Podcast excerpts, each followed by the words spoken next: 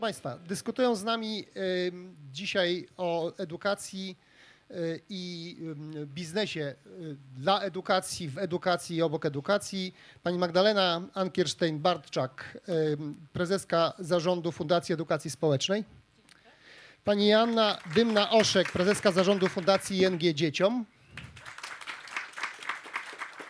Pani Joanna Gajda-Wróblewska, prezeska zarządu Fundacji BNP Paribas Bank Polski. Bank Polska, przepraszam, bo to nie jest Bank Polski. E, Inga Songin, e, Regional Marketing Director e, na Polskę i rozumiem Europę Wschodnią, tak? I członek zarządu, powiem po polsku mogę, tak? Firmy Rekit Health and Nutrition. Oraz Grzegorz Święch, przedsiębiorca i współ- współzałożyciel Fundacji Off School. Proszę Państwa, cieszę się, że Państwo są z nami. E, Witam e, serdecznie. Pytania e, zgodnie z tradycją tutaj e, na kongresie zadajemy za pośrednictwem e, aplikacji, E, ale jak ktoś bardzo będzie chciał e, wtrącić się do dyskusji, to myślę, że sobie na to pozwolimy. Dobrze? E, Proszę Państwa, zacznijmy od tego, e, żebyśmy sobie uświadomili w ogóle, czego biznes szuka w edukacji. Z jakiego powodu e, biznes ym, no, w ogóle zajmuje się tą sprawą. Przecież można, by było, można byłoby do tego podejść tak trochę tradycyjnie i powiedzieć, biznes płaci podatki, a z tych podatków państwo organizuje edukację. Po co tam jeszcze wchodzić w ogóle w tą edukację e, i, i co takiego trzeba zrobić? Proszę bardzo, zacznijmy na razie alfabetycznie. Pani Magdalena Ankierstein-Barczak jako pierwsza y, i b- będziemy kolejno za chwilę. Krótkie wypowiedzi i bardzo dynamicznie rozmawiamy. Ja mówię raczej z drugiej strony, to znaczy dlaczego organizacje pozarządowe korzystają ze wsparcia biznesu i to, co pan redaktor tu powiedział i wcześniej było na wstępie powiedziane, co z tą edukacją w szkole. E, Organizacja Fundacja Edukacji Społecz- Społecznej, którą reprezentuję od 20 lat, zajmuje się bardzo e, trudnym tematem, ponieważ edukacji zdrowotnej i promocji zdrowia ze szczególnym uwzględnieniem zdrowia reprodukcyjnego. I jak państwo wiecie, w jakiej rzeczywistości obecnie żyjemy, organizacjom pozarządowym jest coraz trudniej realizować profilaktykę chorób przenoszonych drogą płciową, coraz trudniej mówić o be, e, mm, zachowaniach seksualnych młodzieży z młodzieżą e, i na pewno trudno nam szukać jest partnera w e, tych środkach z biznesu, które płyną do rządu i rząd, który powinien te działania realizować. W związku z tym to jest też odpowiedź na Pana pytanie. Jakby my musimy szukać partnerów, żeby dalej realizować, ponieważ organizacje pozarządowe coraz trudniej mają więcej trudności z wejściem do szkół, a na pewno mają coraz więcej trudności z pozyskaniem środków na działania profilaktyczne związane z tematem seksualności, e, mniejszości seksualnych i mm, profilaktyki chorób, które bardzo intensywnie nam przyrastają, a rząd i w ogóle tendencja taka do działań profilaktycznych, szczególnie w tym naszym zakresie, e, z każdym rokiem są ograniczane. Czy biznes wspiera państwa? Jak najbardziej dzięki temu możemy funkcjonować Jasne. i działać. Proszę bardzo, pani Anna Dymna-Oszek, proszę. E, Dzień dobry, ja reprezentuję Fundację ING Dzieciom, ale również e, ING Bank Śląski, czyli właśnie ten biznes. E, Z czego wynika nasze wsparcie dla edukacji? Ja myślę, że przede wszystkim z wartości, które firma reprezentuje, które, w które wierzy, z kultury organizacyjnej, z oczekiwań pracowników tak naprawdę. Więc nie wiem, bardzo, bardzo taka silna nasza wartość, czyli e, odpowiedzialność. E, My nawet sobie też e, nazwaliśmy naszą strategię ESG jako przyszłość, nasza wspólna odpowiedzialność. I myślę, że akurat edukacja jest takim obszarem bardzo przyszłościowym i mówiącym o, o tym, jak mają przyszłe pokolenia istnieć, jak, jak e, i ta edukacja jest je- ogromnie istotna. Więc e, jeżeli miałabym podsumować takim jednym zdaniem, dlaczego biznes w ogóle zajmuje się edukacją, to właśnie wynika to z e, wartości, które firma wierzy i które reprezentuje. Ale także z tego, żeby wychowywać sobie przyszłych klientów. E, Takich, którzy potrafią podejmować rozważne, przemyślane decyzje finansowe, jak najbardziej tak, jeżeli chodzi o bank. Tak? Jasne, Bylibyśmy wdzięczni, żeby tak właśnie było, żeby każdy czuł się komfortowo podejmując ważne dla niego decyzje w ważnych momentach życia. Dziękuję bardzo. E, Pani prezes Joanna Wróble, Gajda Wróblewska, proszę. E, dzień dobry, e, dzień dobry wszystkim. Czy myślę, że to jest zupełnie naturalne, że biznes e, przygląda się tematowi edukacji, przygląda, działa się i angażuje, no bo biznes nie istnieje w próżni, więc jest to naturalne zupełnie, że gdzieś te wątki się przeplatają, że mamy wpływ na otoczenie, otoczenie ma wpływ na nas. Oczywiście temat edukacji jest bardzo szeroki, już tu rozmawialiśmy o tym, że pewnie byśmy mogli i całodzienne warsztaty na ten temat zrobić, więc oczywiście zależnie od organizacji, czy jest to spójne z wartościami, trzeba postawić sobie diagnozę, czego potrzebujemy, w jakim obszarze edukacji chcemy się rozwijać. No i też to jest pytanie, z którym ja sobie często razem z zespołem do którego często wracam, na ile też my jako biznes jesteśmy w stanie te problemy społeczne, wyzwania społeczne też w obszarze edukacji e, rzeczywiście realizować i na ile to jest nasza rola, czy może powinniśmy być raczej tym partnerem i wsparciem właśnie dla organizacji pozarządowych, którzy mają te kompetencje i te zasoby uzupełniać, więc to jest też takie podejście, które my bardzo pielęgnujemy u nas i też rzeczywiście jesteśmy w wielu partnerstwach z NGO-sami, też ze szkołami, bo my akurat postawi postawiliśmy na wyrównywanie szans edukacyjnych, o czym powiem troszkę e, Poprosimy za chwilę. Później, Dobrze, tak. dziękuję bardzo. E, proszę bardzo, pani prezes Inga Songin. E, dzień dobry Państwu. E, ja bym chciała e, trochę poszerzyć ten wątek, bo sprawa zaczyna się wtedy, kiedy uświadamiamy sobie, że biznes ma w ogóle społeczną odpowiedzialność. I ja jestem o tym przekonana i my w Rakit jesteśmy o tym przekonani, że biznes oprócz dostarczania wyników i zapewnienia miejsc pracy w przyszłości i rozwoju biznesu również ma ogromną rolę w tym, żeby zmieniać postawy społeczne i zachowania społeczne. I teraz w pewnych obszarach edukacja jest kluczowa, bo jeżeli sobie uświadamiamy, że nie ma świadomości, y, to, to wtedy trzeba zająć się y, edukacją właśnie. I teraz chciałabym powiedzieć o tym, że to nie jest tak, że jak biznes zaczyna zajmować się tematami y, społecznymi i edukacją, to przestaje myśleć o biznesie. Zazwyczaj powinno być to tak, że to przekłada się na korzyści biznesowe również. Czyli to wszystko zaczyna mieć sens wtedy, kiedy my na przykład y, edukując ludzi y, seksualnie i w bezpieczeństwie seksualnym, będąc właścicielami marki Durex, powodujemy, że ta kategoria rośnie i przynosi to zarówno benefit społeczny, E, jak i benefit e, biznesowy i, e, i rzeczywiście uświadomienie sobie tego, że nie robimy tego nigdy sami, tylko z organizacjami, ekspertami, NGO-sami, którzy się na tym znają, a biznes ma pieniądze, żeby robić edukację, żeby edukować, docierać szeroko zasięgowo i wtedy to wszystko razem ma szansę przynieść znacznie lepsze efekty. Dziękuję. Pan Grzegorz Święch. Y, no, ja powiem tak, może przewrotnie, że biznes zajmuje się edukacją, bo edukacja nie zajmuje się kompetencjami, których biznes potrzebuje i to jest taka jest realna. Bardzo dziękuję. Tak, to wywołałeś Grzegorzu wątek, który za chwilę będziemy poruszać. E, I to jest jedna rzecz a propos dynamicznej dyskusji, a druga rzecz a propos dyskusji to E, no, koleżanki powiedziały, biznes ma też w tym interes. Interes społeczny w postaci no, chociażby emocjonalnej, czyli potrzeby zaangażowania, obwarowań też ustawowych związanych z konieczności angażowania się społecznego określonych spółek. I to jest jedna rzecz. Druga rzecz jest bardziej pragmatyczna i tutaj mówimy na przykład o pracownikach, mówimy o konsumentach. No, lepiej nam jest zatrudnić pracownika, który jest wykwalifikowany, który ma kompetencje, chociażby tu mówiąc o kompetencjach społecznych, ja jestem mocno zanurzony w tą dziedzinę e, edukacji, zarówno pracując z młodzieżą ze strony fundacji, jak i pracując ze strony nowych motywacji, czyli firmy szkoleniowej, pracując z kolei z dorosłymi, którzy są już w organizacjach. No i okazuje się, że i jednych i drugich uczymy tego samego. E, tylko ci, którzy wchodzą na rynek pracy już wykwalifikowani, w jakimś stopniu nawet minimalnym w kompetencjach, których potrzebuje biznes, no z jakiegoś powodu A są lepiej postrzegani przez pracodawców, e, szybciej znajdują właściwe miejsce dla siebie w organizacji, czyli im się też po prostu lepiej żyje.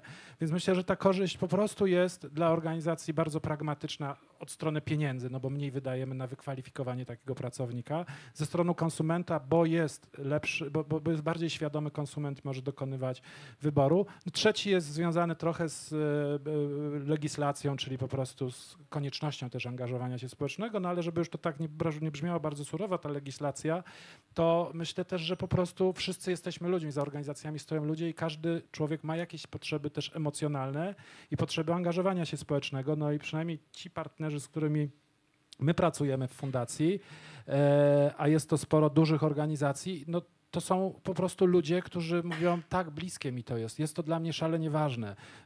Nawet patrząc w taki bardzo pragmatyczny sposób, mam córkę w wieku dorastania, mam syna w wieku dorastania, mam bliskie mi osoby. Też jako organizacji bardzo nam zależy na tym, żeby wspierać młodzież, na przykład my się zajmujemy młodzieżą, więc też z takimi organizacjami rozmawiamy, no ale jest, jest za tym jakiś konkretny, jest jakaś konkretna korzyść dla organizacji. Ten wątek będzie nam towarzyszył, związany z kompetencjami, tak, których biznes potrzebuje i spróbujmy y, najpierw je zdefiniować. Jak z Państwa perspektywy, każdej organizacji, czy biznesowej, czy pozarządowej, jakie y, deficyty y, edukacyjne Państwo postrzegają w ogóle z perspektywy swojego własnego biznesu, swojego pola działania, zarówno wśród młodzieży uczącej się szkolnej, jak i wśród dorosłych? Możemy tą samą kolejkę powtórzyć? Proszę bardzo. E, tak, rzeczywiście, jeżeli chodzi, tutaj przede wszystkim trochę też e, podważę takie, że biznes zawsze ma w tym interes. Nie, myślę, że rzeczywiście biznes e, przede wszystkim chce być z młodymi ludźmi, E, jeżeli interesem jest to, że oni będą po prostu mieli jakąś większą świadomość podejmowanych decyzji, będą więcej też czuli się pewnie ze swoimi e, kompetencjami, to tak, to ten biznes e, to, ja, to, to ja może jest tylko, bo to nie chodzi o interes w sensie takiego Taki czysto biznesowego, ale powiedziałem też interes emocjonalny. Tak, Czyli jeśli tak. ja lubię się w jakiejś rzeczy angażować, to mam w tym interes po prostu, bo, bo po prostu lubię te rzeczy. To nie znaczy, że one to przynoszą tym, mi jakąś To korzyść. w tym kontekście jak najbardziej. Ja powiem tak, jeżeli chodzi o um, takie elementy edukacyjne w ING, to my sobie zdiagnozowaliśmy tak jakby trzy grupy. Po pierwsze edukacja finansowa, to co już też powiedzieliśmy, na pewno e, chcemy, żeby i nasi przyszli klienci, potencjalni klienci obecni po prostu czuli się pewniej, czuli się po prostu wyposażeni w takie umiejętności podejmowania przemyślanych decyzji e, i na pewno bankowi nie zależy na tym, żeby po prostu e, mieć do czynienia z osobami, które tych kompetencji nie mają. Absolutnie tak nie jest. Chcemy od najmłodszych lat być i z dziećmi, i z dorosłymi właśnie w tej edukacji finansowej, edukacji na rzecz przedsiębiorczości, bo to jest myślę też bardzo duży taki fajny aspekt. I cały w ogóle takiego, taki aspekt zdrowia finansowego, szczególnie teraz jak widzimy, co też się dzieje w sytuacji makroekonomicznej, gospodarczej. No na pewno nam zależy na tym, żeby e, osoby były wykształcone i pewnie się po prostu w tym czuły. E, jeżeli chodzi o, o taką też inny aspekt edukacyjny, to, to edukacja klimatyczna, ekologiczna, e, to mm, wy, wychodzi też z naszej takiej deklaracji ekologicznej, którą jako ING, ING wydaliśmy, po prostu uważamy, że zmiany klimatyczne poszły też tak już za daleko i musimy znaleźć tą odpowiedź e, na te, na te, na te zmiany. I na pewno chcemy, e, chcemy po prostu być z, z młodymi ludźmi, chcemy też być z nauczycielami, z edukatorami w tym konkretnym zakresie, więc mamy też konkretne narzędzia, mam nadzieję, że będę miała czas jeszcze później o tym opowiedzieć, ale też te, jak pan wspomniał, kompetencjach, kompetencje przyszłości, tak? Czyli to jest też taki element i, i tak naprawdę tylko już... Do kompetencji za chwilę przejdziemy w przyszłości. Ja jeszcze mam jedno pytanie. Czy na tym polu, który pani teraz zdefiniowała, obserwujecie jakiś postęp? Jak najbardziej. Jak najbardziej tak, widzimy postęp, bo, ponieważ to nie są jakieś krótkofalowe programy. My działamy już bardzo długo, e, a to, co najbardziej cieszy, to też zaangażowanie naszych wolontariuszy, czyli pracowników ING, którzy e, tak naprawdę, no, gdzieś, nie wiem, jeżeli chodzi o edukację finansową, sami wręcz do nas przychodzą i mówią, że to jest taki nasz obowiązek, żeby, żeby właśnie z młodych ludzi o tych finansach uczyć i żeby po prostu też jakby tym tematem się zająć. Dziękuję. A już ma Pani, dobrze. E, to tak, jeśli chodzi o kompetencje przyszłości, to, to, to, wszyscy dobrze wiemy, że na pewno to ciągłe uczenie się to jest coś, co, e, co z nami będzie, ale też oduczanie się tego, co już się nauczyliśmy. E, żeby rzeczywiście mieć taką otwartą głowę i, i chłonięcie nowych rzeczy. Państwo oduczacie? I patrzy, patrząc na naszych stypendystów właśnie, bo w programie stypendialnym Klasa, który prowadzimy od 20 lat, więc już też e, rzeczywiście widzimy też pewne trendy w, wśród młodzieży, właśnie staramy się to pielęgnować jako jedną z tych, e, jeden, jeden z tych wątków. Y, oprócz tego też taką y, odpowiedzialność obywatelską, ja to mówię, bo trochę czujemy i też to, jak dostajemy sygnały ze szkół, z którymi partnerujemy, że gdzieś tej przestrzeni na taką edukację obywatelską w szkole jest mało, więc my też dajemy narzędzia naszym stypendystom do tego, żeby się angażowali lokalnie, do tego, żeby angażowali się społecznie, wolontariacko, żeby rozwijali swój potencjał, mając nadzieję, że właśnie łatamy gdzieś tę lukę w systemie, która nie trafia do tych dzieci, młodzieży z małych miejscowości, ze wsi o fajnym potencjale naukowym, ale nie mającej e, po prostu wsparcia finansowego. E, I więc e, też kolejną kompetencją, jaką uważam, że też e, no tutaj trzeba to pielęgnować i wzmacniać, to właśnie jest ta empatia i też kompetencje społeczne, bo dużo bardzo mówimy o tym, że ważna będzie cyfryzacja, obszary IT, ale nie zapominajmy o tym human touch, tej kompetencji miękkich i empatii do tego wszystkiego, bo to też będzie potrzebne w włączeniu tych zasobów. Więc to jest też to, na co my zwracamy uwagę w pracy z naszymi stypendystami i co mamy nadzieję też oni odczuwają. Dziękuję bardzo. No, pani już prezes definiowała, ale proszę jeszcze uzupełnić e, te pola deficytowe. Edukacja zdrowotna w Polsce leży, profilaktyka także. I to jest coraz bardziej pogłębiający się deficyt e, w szkole, ponieważ jest coraz bardziej zaniedbywany, a niestety zdrowie dotyczy każdego z nas. A profilaktyka różnego rodzaju zachowań e, jest połączona e, siecią różnych rzeczy. Z jednej strony mamy zdrowie psychiczne, które wiemy, że szczególnie wśród młodych ludzi obecnie jest bardzo zaniedbane i to, co się dzieje w psychiatrii dziecięcej, te wszystkie um, sytuacje um, prób samobójczych i młodych ludzi, którzy nie radzą sobie z emocjami, to jest jedna rzecz. Druga rzecz, która za potem jakby jest trochę pociągnięta, to zachowania ryzykowne, które młodzi ludzie podejmują, ponieważ stosują różne substancje psychoaktywne, podejmują zachowania seksualne, które są dla nich niebezpieczne, no i w konsekwencji e, jakby problemy zdrowotne, które z tego wynikają. E, I w tym wszystkim e, brakuje odpowiedzialności za to, kto weźmie odpowiedzialność za profilaktykę, ponieważ mimo, że cały świat wie o tym, że profilaktyka jest zdecydowanie tańsza niż leczenie, to w naszym kraju głównie skupiamy się na leczeniu, a nie mówimy o profilaktyce.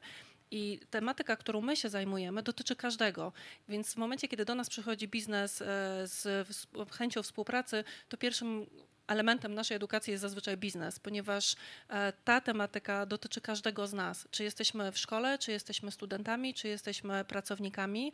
Nawet tutaj mamy swój mobilny mm, kamper, gdzie testujemy na HIV, HCV i QE i z kim byśmy nie rozmawiały, czy z dziennikarzami, czy z panelistami, to wszyscy się dziwią, ale jak to? Dlaczego ja? Ale po co? Ale jak wy to robicie? Więc to pokazuje, jak dużo pracy jeszcze jest do wykonania. Ja się, proszę Państwa, dowiedziałem. Wystarczy w ogóle oddać krople krwi z palca i można sobie zrobić takie badanie przed... I też jest trzeba wiedzieć dlaczego że jeżeli robimy testy w kierunku HIV, HCV i KIły, to nie dlatego, że robimy coś złego, czy jesteśmy rozwięźli seksualnie, tylko jesteśmy aktywni seksualnie i warto to zrobić, bo 10% Polaków kiedykolwiek zrobił test w kierunku HIV w swoim życiu, więc my nie wiemy. I tego potrzeba uczyć od młodych osób, młodych osób e, w edukacji szkolnej, ale ponieważ jest to tabuizowany temat, a organizacje pozarządowe, które tą tematyką się zajmują, coraz bardziej są wykluczane, w związku z tym potrzebujemy biznesu i tutaj współpraca z marką Durex, żeby przenieść tą edukację w inne miejsca. Skoro nie do szkoły, to tą młodzież możemy spotkać gdzieś indziej. Social Świetnie. media są tym rozwiązaniem między innymi. Godna, godne pochwały i podziwu praktyka. E, proszę bardzo, pani prezes. Ja y, będę kontynuować wątek. Y, my staramy się skupiać na tych lukach edukacyjnych, e, lukach systemowych i nie tylko. I teraz zaczynając od właśnie edukacji seksualnej, o której Magda mówiła przed chwilką, która nie istnieje w polskim systemie e, e, edukacji, podobnie jak wiele różnych innych tematów, ale ona niesie za sobą bardzo dużo negatywnych konsekwencji i w obszarze zdrowia psychicznego, i w obszarze zdrowia seksualnego. Więc tutaj podejmujemy bardzo wiele działań. Po drugie, temat w ogóle samoleczenia. Y, tutaj również mamy wiele luk. Y, my zajmujemy się takimi kategoriami, w których kategoriami na przykład bólu czy leczenia chorób gardła, w których samoleczenie, to znaczy nie od razu idziemy do lekarza, najpierw musimy sobie radzić sami. Czym głębiej staramy się rozumieć tematy, tym bardziej jesteśmy świadomi, jak brakuje edukacji w obszarze samoleczenia. Jesteśmy rekordzistami e, w Polsce, jeśli chodzi o nadużywanie antybiotyków, e, na przykład w chorobach gardła, które w 90% są wirusowe e, i nie ma takiej potrzeby i świat stoi przed takim wyzwaniem, co będzie z antybiotykoterapią w przyszłości, skoro się uodpornimy, to znaczy bakterie się na, na antybiotyki uodpornią. Również jak wchodzimy w temat radzenia sobie z bólem, uświadamiamy sobie, jak niska jest świadomość tego, jakie substancje, jakie y, ilości leków powinniśmy brać. Więc to wszystkie są jakby takie duże tematy, które y, nie zostały z perspektywy edukacji nigdy potraktowane w żaden sposób.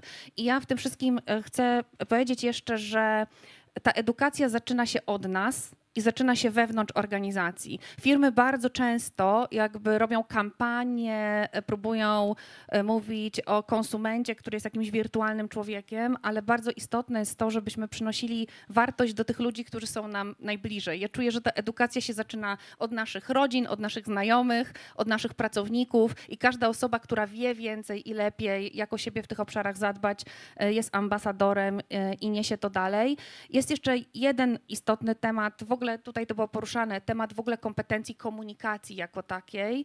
E, na wielu obszarach też to widzimy, pracujemy z lekarzami e, w różnych obszarach i widzimy na przykład, jak polski system edukacji kompletnie nie uczy lekarzy rozmowy z pacjentami i tych wszystkich, właśnie empatii, tych wszystkich obszarów, które są pominięte, bo wydaje nam się, że lekarz to osoba, która ma leczyć, a nie rozmawiać e, i rozumieć pacjenta. Tutaj również mamy projekt z Fundacją KIDS, w której i z pozytywną dyscypliną, w której przeprowadzamy warsztaty z lekarzami na temat tego, jak rozmawiać z pacjentami e, i z bardzo dużymi sukcesami, bo tak jak pan e, redaktor zapytał, mierzymy efekty tych działań. Znaczy wszystko, co robimy, stawiamy sobie jakiś cel i potem sprawdzamy. No właśnie, jakie są zasięgi tych działań? Proszę powiedzieć, i do ilu osób państwo docierają? E, w, zależ w, zależności od tego, jaki to jest projekt, ale właśnie w projekcie edukacji seksualnej poprzez kanał YouTube'owy Jak to robić, to są bardzo szerokie zasięgi, 14 e, milionów, 14 milion odsłon do tej pory. E, również badamy osoby, które były eksponowane na te treści, że ich poziom świadomości, wiedzy i zachowań seksualnych naprawdę się zmienia, co daje nadzieję e, ogromną na to, że takie działania, że takie działania mają sens i że możemy mieć wpływ na to, co robimy. A są to działania bardzo wiarygodne, bo treści są konsultowane Pani prezes miała jakiś filmik nam do pokazania króciutki. Tak, bardzo chętnie. Yy, Możemy poprosić realizację o ten filmik?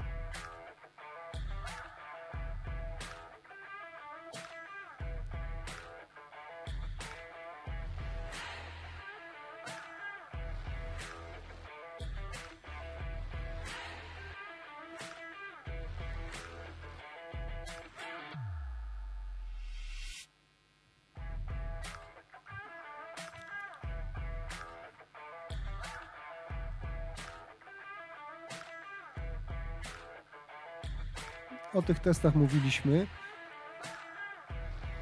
Jest namiot tutaj przed wejściem do, do centrum kongresowego.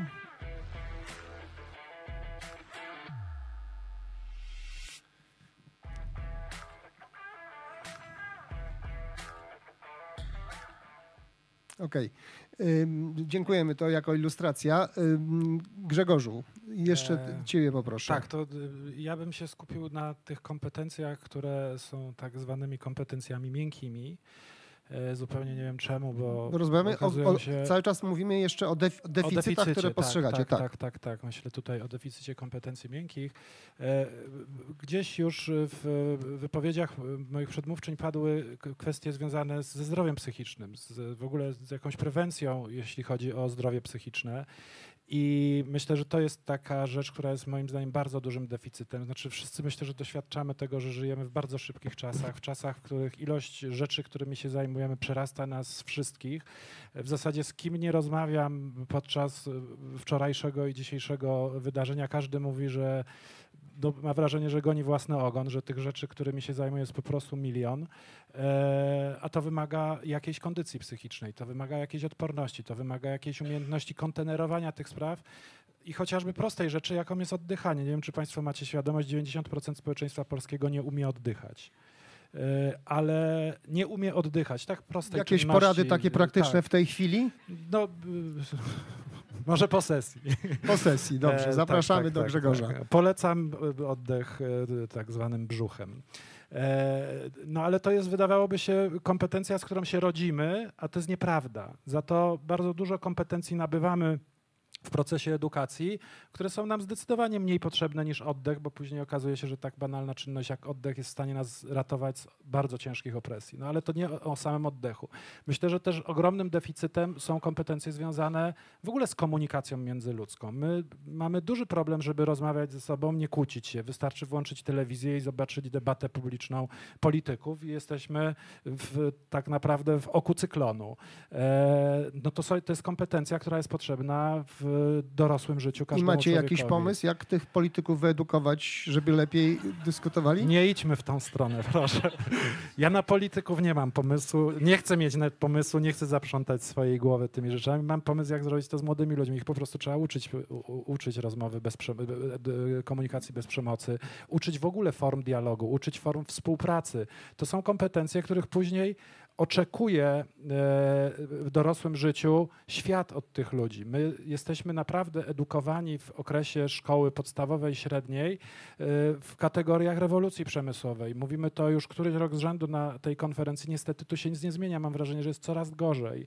Uczymy ludzi do bycia automatami, podczas gdy świat wymaga od nich kreatywności, odporności, otwartości, rezyliencji, y, pracy zespołowej, komunikacji.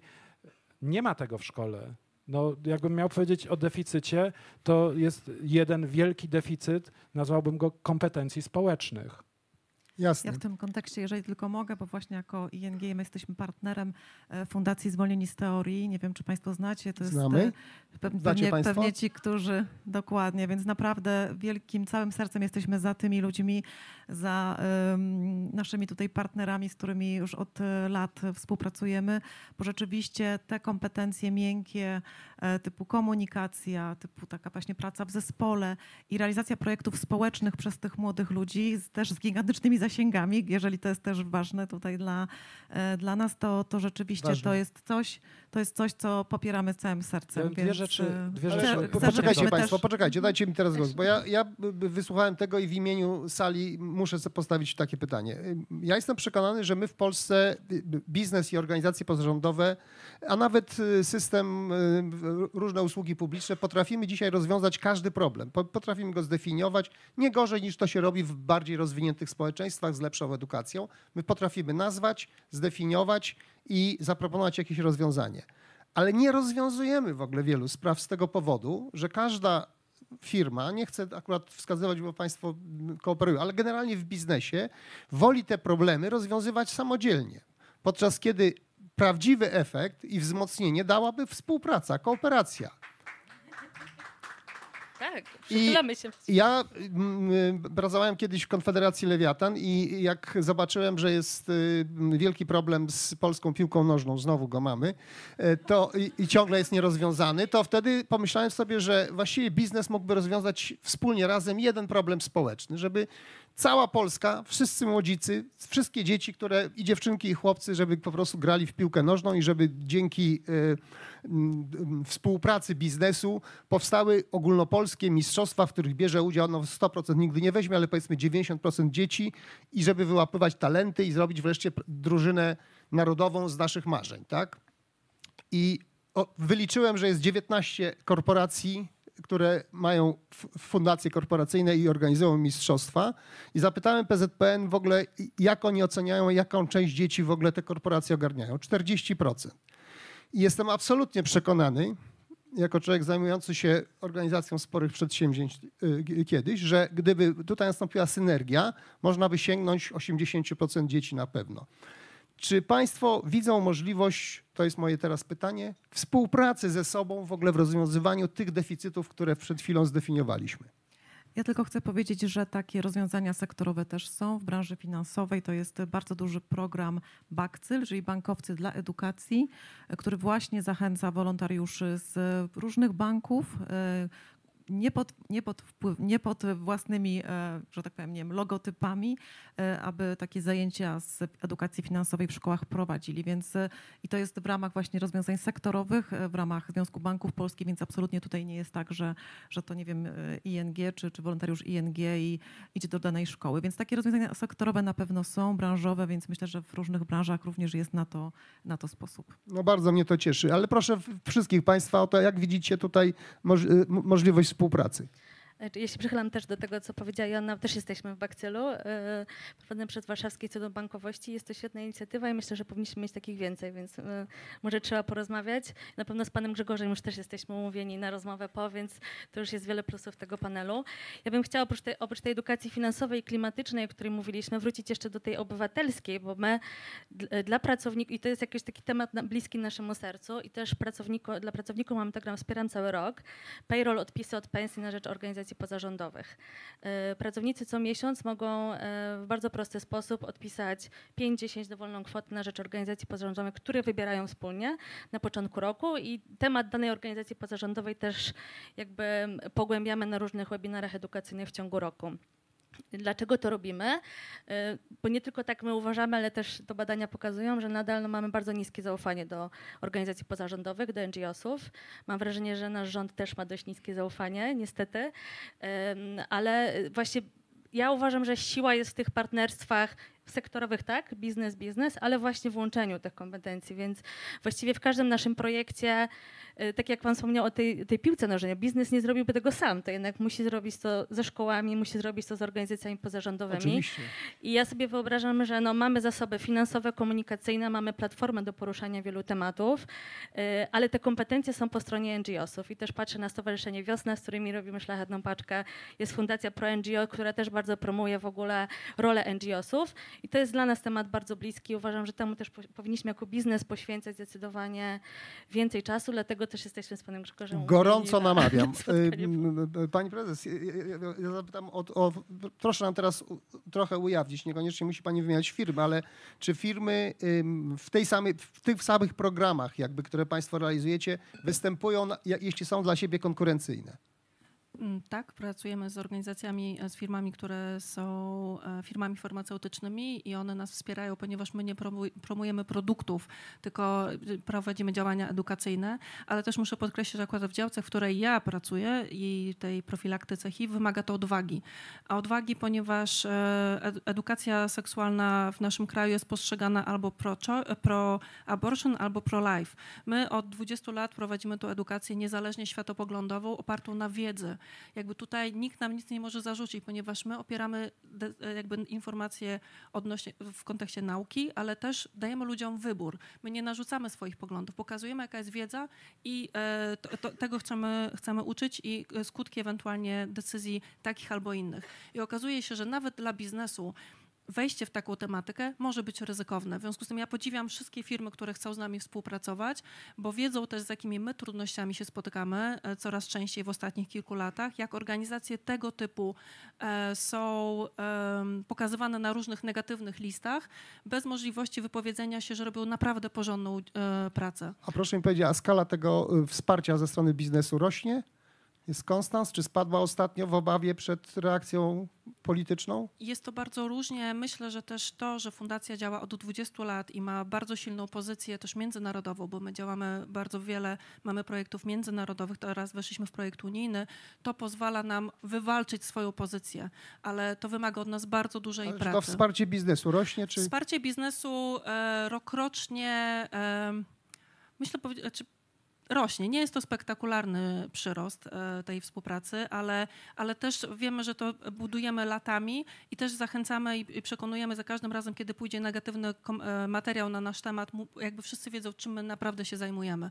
Jest to e, trochę takie do przodu, do tyłu, do przodu, do tyłu, ale są takie firmy jak Durex czy firmy farmaceutyczne, które od lat nas wspierają, wiedzą, co robimy i widzą nasze efekty i nie uginają się tym fejkowym newsom, które wokół wokół organizacji zajmujących się edukacją zdrowotną, oni wiedzą, że my nie seksualizujemy, my przekazujemy rzetelną wiedzę dla tych młodych Jasne. ludzi. Pani prezes, jest pani, współ- e, pani dyrektor, jest pani gotowa współpracować z innymi firmami, konkurentami w ogóle dla, dla swojego biznesu w tych sprawach e, edukacyjnych? Tak? Absolutnie tak.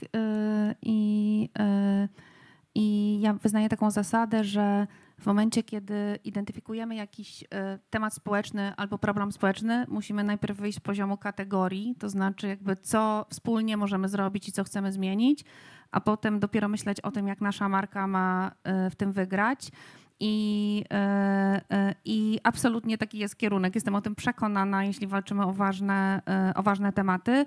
Jeśli chodzi o Fundację Edukacji Społecznej, zawiązaliśmy współpracę y, długoterminową, bo to też o to chodzi, że nie w jednym roku mamy jakąś kasę albo jakiś pomysł i, i potem zapominamy. Chodzi o zobowiązania, które są długoterminowymi zobowiązaniami i jesteśmy autentyczni, wiarygodni i odpowiedzialni w tym partnerstwie.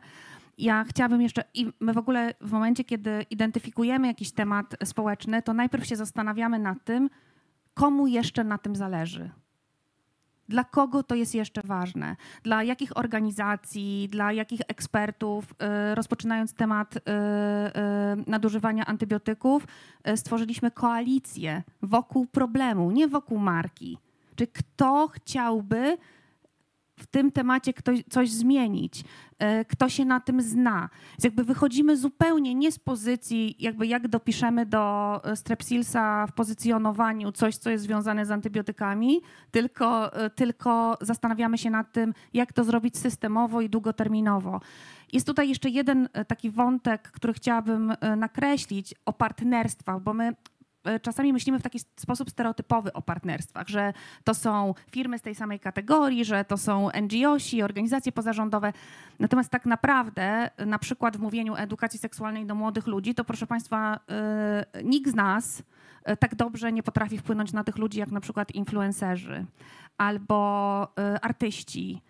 E, I nagle trzeba zacząć się nad tym zastanawiać, jakby jaki artysta, e, jaki gamer e, jest w stanie być na tyle spójny z tymi wartościami i z tym przekazem, że może stać się naszym partnerem. Ja wiem, że bardzo trudno o tym tak myśleć, bo nam się wydaje, że po prostu oni chcą tylko pieniądze, ale nie do końca tak jest. To znaczy są tacy ludzie, którzy zaczynają wierzyć w ideę i chcą w tym, w tym temacie zrobić coś, a mają zasięgi, mają młodych ludzi, wiedzą jakim mówić językiem i to też jest w jakimś stopniu trudne i ryzykowne, żeby oddać swoją markę i pewien ważny temat w takie ręce, ale bez tego się e, bez tego się po prostu nie uda. Więc zachęcam do tego, żebyśmy myśleli o partnerstwach zdecydowanie szerzej. Bardzo gorąco popieram, bardzo gorąco i cieszę się, że y, słyszę tutaj takie deklaracje. Grzegorz, jak ty Szybko widzisz opowiem o współpracę z biznesem? Tak. Szybko odpowiem o partnerstwach i wrócę jeszcze do kompetencji na sekundę.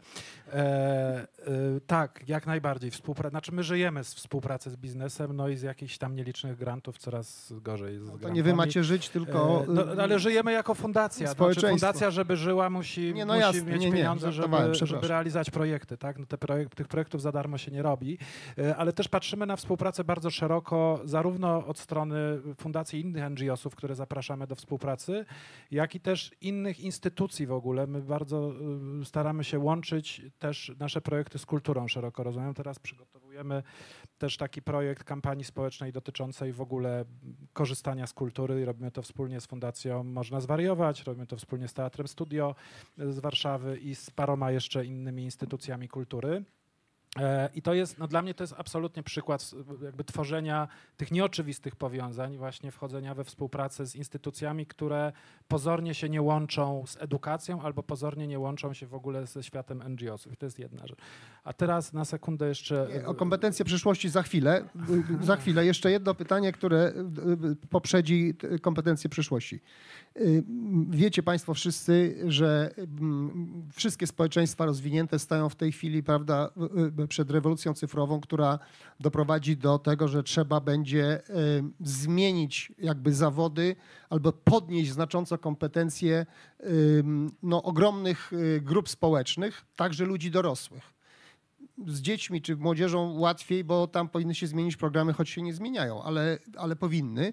Natomiast no, w przypadku dorosłych y, no, to jest rzeczywiście wielkie wyzwanie cywilizacyjne dla wszystkich krajów na świecie, y, ale dla tych krajów rozwiniętych, które w tą transformację cyfrową wchodzą, jest jeszcze większe. I teraz jest pytanie, czy Państwo widzą ten problem i czy mają pomysły, no, jak przeprowadzić w ogóle tą wielką społeczną operację y, pod tytułem, ona się z angielska najlepiej nazywa tak, upskilling lub y, reskilling, a najbardziej reskilling, czyli po prostu całkowita zmiana w ogóle kompetencji ludzi już dorosłych, którzy już skończyli szkoły czy studia, a teraz muszą zmienić zawód. I Grzegorz się pierwszy wyrywa, proszę. I wrócę do kompetencji. E, EY e, b- Oxford Business School zrobił badanie, w którym pokazał, że każda transformacja, która się w ostatnich latach dzieje w organizacjach, wsparta sferą społeczną w postaci zaangażowania emocjonalnego liderów w tą transformację i zadbania o kondycję psychiczną kadry, ma trzykrotnie wyższy wskaźnik udania się tej transformacji.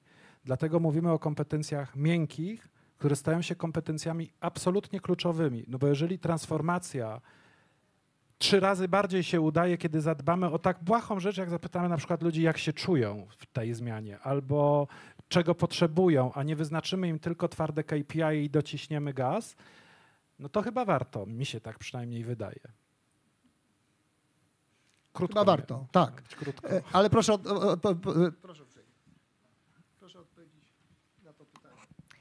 E, Ja myślę, że tak. No oczywiście to, że, że świat już jest, pędzi w ogóle w ten cyfrowy, cyfrowy jakimś pędzie, przepraszam za, za to powtórzenie, e, no to to jest jakaś, to, to jest jakiś po prostu no, stwierdzenie mm, faktu. E, Ja może podam taką, taki przykład, jeżeli chodzi o nasz biznes, o, o bank, bo tak naprawdę mm, oprócz tego, że my jakby rzeczywiście w tych takich kompetencjach, tych mm, nowoczesnych, tak zwanych steamowych, to już kształcimy nawet, znaczy kształcimy, w sensie przekazujemy taką wiedzę już nawet przedszkolakom, bo faktycznie mamy taki projekt Przedszkola Jutra e, z partnerem, z takim startupem KidsView i, i faktycznie też o tych, e, o tych e, umiejętnościach takich dzieci, dla dzieci e, żebyliśmy nawet w przedszkolach. To też taki, myślę, ciekawy element od kilku lat wsparcie właściwie seniorów, klientów naszych seniorów, e, którzy, którzy tak naprawdę, żeby odnaleźć się w tym świecie, to nie tylko chodzi o to, żeby im pokazać, że, że takie kompetencje będą musieli nabyć, ale na przykład wprowadziliśmy w banku ING taką tak zwaną asystę w oddziale, czyli e, trochę też już e, zachęcamy starsze osoby, czy, czy też osoby, które de facto do tej pory nie bankowały online, do tego, żeby właśnie ich tego nauczyć, żeby pokazać im w oddziale, jak to można zrobić, e, tak żeby rzeczywiście później już, nie wiem, w, domu wnuczek, y, córka i tak dalej, członek rodziny mógł już dalej z nimi wejść i, e, i, e, i kontynuować to, czego, czego mogą się nauczyć. Bo tak naprawdę rzeczywiście od tego banku się zaczyna, a potem jest e, i kolejny portal z tą literką E e, i na początku, który, który tak naprawdę definiuje całe takie życie i to, jak się ten człowiek czuje. Więc e, no, na pewno tego nie uciekniemy, na pewno młodym ludziom będzie już lepiej, ale ja też oprócz tych takich e, mm, faktycznie takiej technologicznej rewolucji, to też tutaj się jakby skupiam ku temu, skłaniam ku temu, że rzeczywiście te kompetencje miękkie są też ogromnie szalenie ważne i tak naprawdę w tym świecie, gdzie, gdzie też e, to zdrowie mentalne i takie wycofanie młodych ludzi e, widzimy też przez pandemię czy przez e, różne inne kwestie, to, to jednak ta praca zespołowa, ta umiejętność komunikacji, empatia są szalenie istotne, więc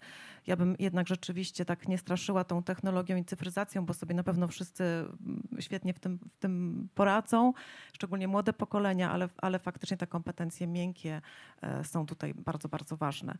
I też tylko jeszcze tutaj a propos też e, panie powiedziały o, o, o, swoim, o swoich projektach, o, o takich projektach e, stricte na przykład tutaj z edukacją seksualną.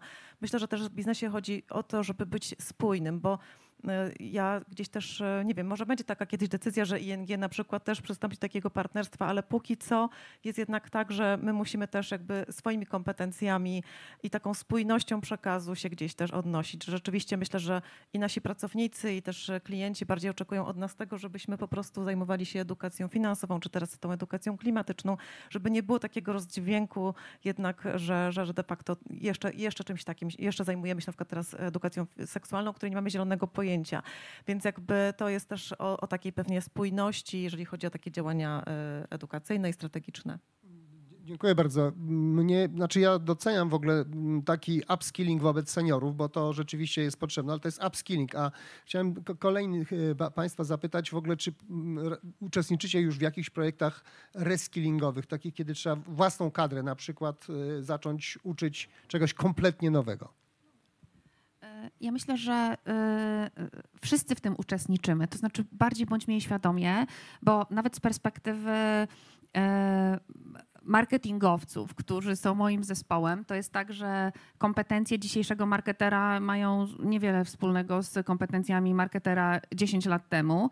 I, I to jest trochę tak, że jeżeli my chcemy docierać do ludzi i do młodych ludzi, no to trudno powiedzieć sobie, to będziemy w telewizji bo ich tam nie ma. Więc ja, ja się zgadzam z tym, że nie powinniśmy tak e, traktować tego jako, jako takiego e, bardzo ciężkiego orzechu do zgryzienia, bo to się dzieje samo i ja myślę, że wszystkie organizacje i wszystkie firmy podążają, e, podążają tym mechanizmem. To znaczy potrzebujemy robić inne rzeczy. W związku z tym edukujemy naszych pracowników y, i oni mają szansę się tego uczyć.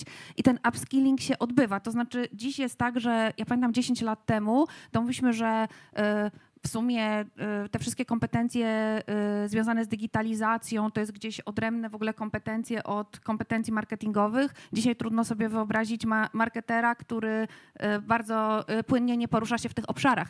I, I to jest tak, że to się zmienia tak szybko, że no dzisiaj się powinniśmy bardziej zastanawiać nad tym, czy nasi marketerzy rozumieją całe zjawisko gamingu na przykład i tych, którzy oglądają e-gaming, bo się okazuje, że trudno gdzieś indziej zrobić zasięgi y, większe niż tam, albo na przykład na ile rozumiemy o co chodzi w TikToku, bo dzisiaj robienie kampanii w TikToku może być o wiele bardziej zasięgowe niż zupełnie gdzieś indziej. Więc jakby ja mam takie poczucie, że jeżeli mamy przekonanie i wiemy o czym jesteśmy, wiemy co chcemy zrobić, wiemy do kogo mówimy, to to definiuje potem jakby ten upskilling tych kompetencji. Bo jeżeli my chcemy dotrzeć do tych ludzi w określony sposób i ich zaangażować, to musimy się tego nauczyć. I, i ja mam takie poczucie, że organizacje absolutnie wspierają e, taki rozwój. Dla mnie jako socjologa wszędzie jest pytanie, ale gdzie jest człowiek?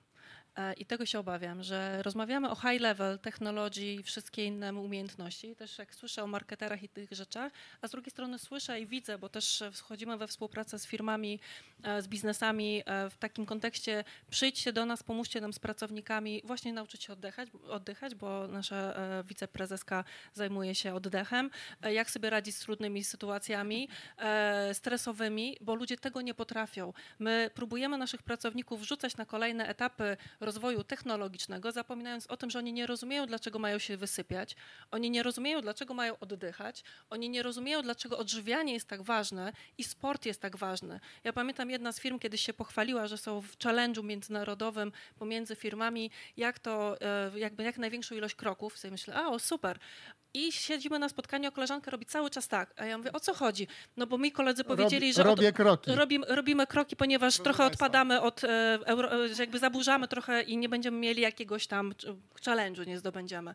I to jest brak zrozumienia. W związku z tym wchodźmy na te technologiczne i też technologia i te nowe umiejętności cyfryzacji są bardzo potrzebne, bo są na przykład aplikacje, które pokazują nam e, wypij wodę, albo zjedz coś, albo idź się poruszaj. Ale no, to się niestety za nas nie wypiją, to ale nie problem. wypiją, dokładnie, więc my musimy mieć to zrozumienie, dlaczego jest to dla nas tak ważne. I ja się tylko tego obawiam, że jeżeli wchodzimy na kolejne poziom, poziomy bardzo takie światowe cyfryzacji, ale jednak biorąc pod uwagę to, co mówiliśmy na samym początku odnośnie edukacji zdrowotnej, ten młody człowiek chce iść w challenge, zapominając o sobie.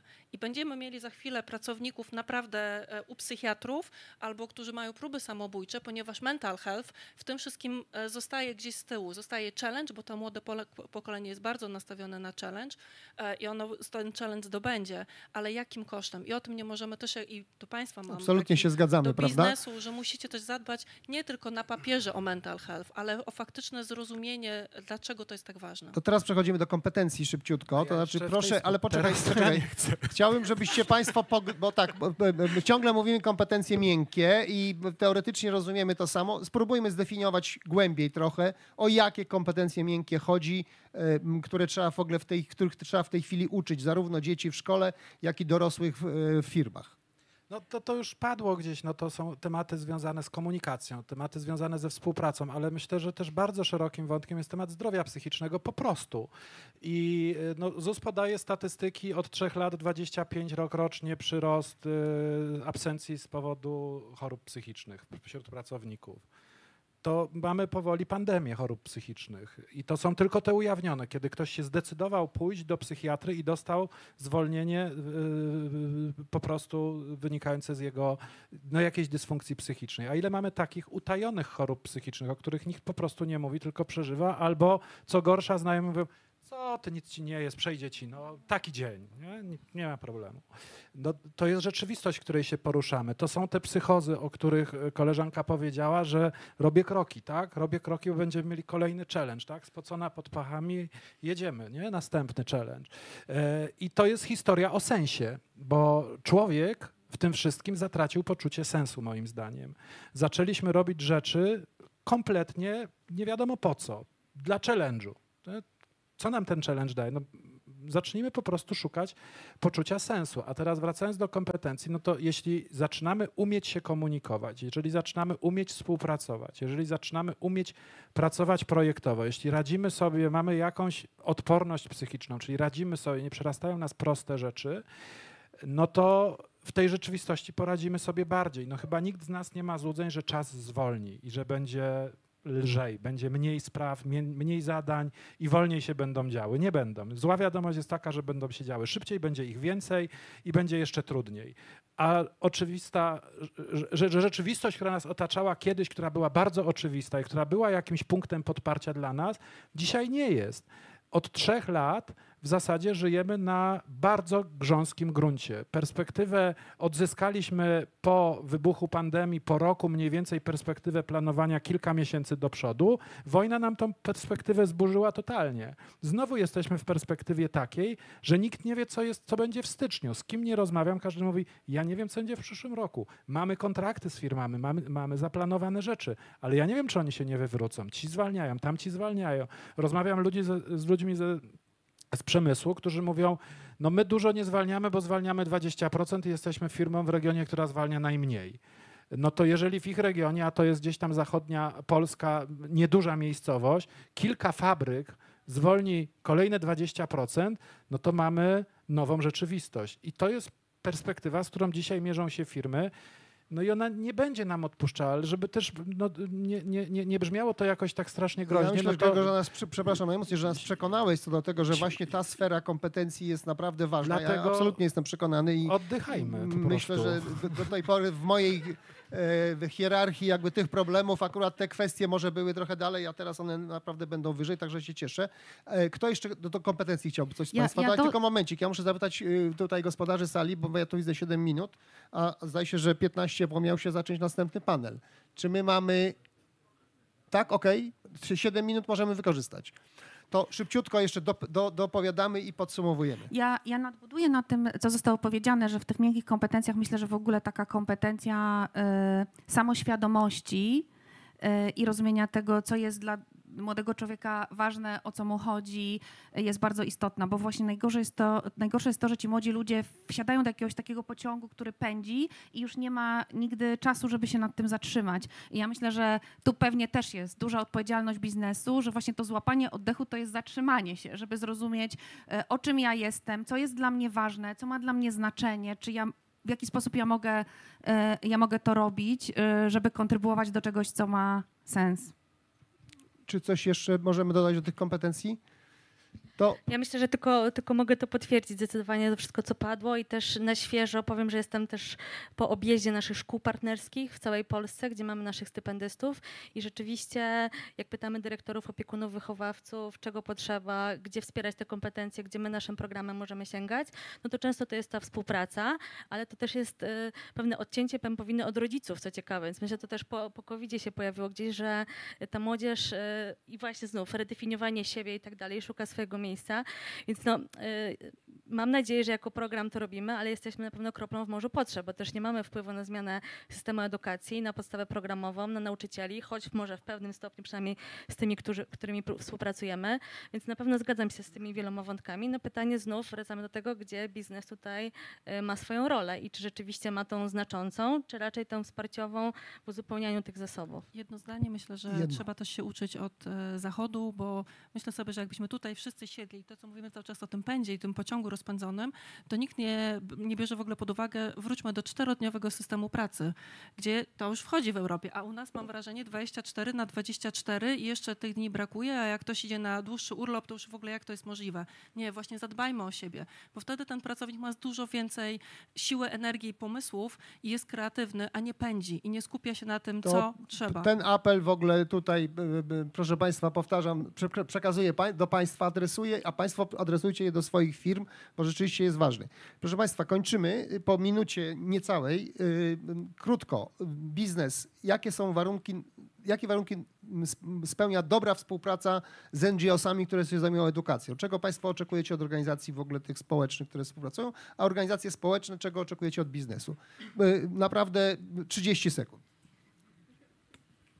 To może ja odwrócę troszeczkę tego, nie, co, co nie my nie oczekujemy od organizacji społecznych, ale też co możemy zaoferować, to e, tutaj też zapraszam na nasze stoisko ING, e, nasz najnowszy produkt, czyli książka e, z, o zrównoważonym rozwoju. E, książka Ty też możesz uratować świat. E, I właśnie to, to też mamy sygnały od szkół, od nauczycieli, od edukatorów, że brakuje e, tego typu narzędzi, bo książce towarzyszą też scenariusze zajęć, tworzymy multimedialne scenariusze zajęć, mamy audiobooka dla osób z, m, z, z różnymi potrzebami, też z takimi dla osób, które po prostu audiobooki lubią.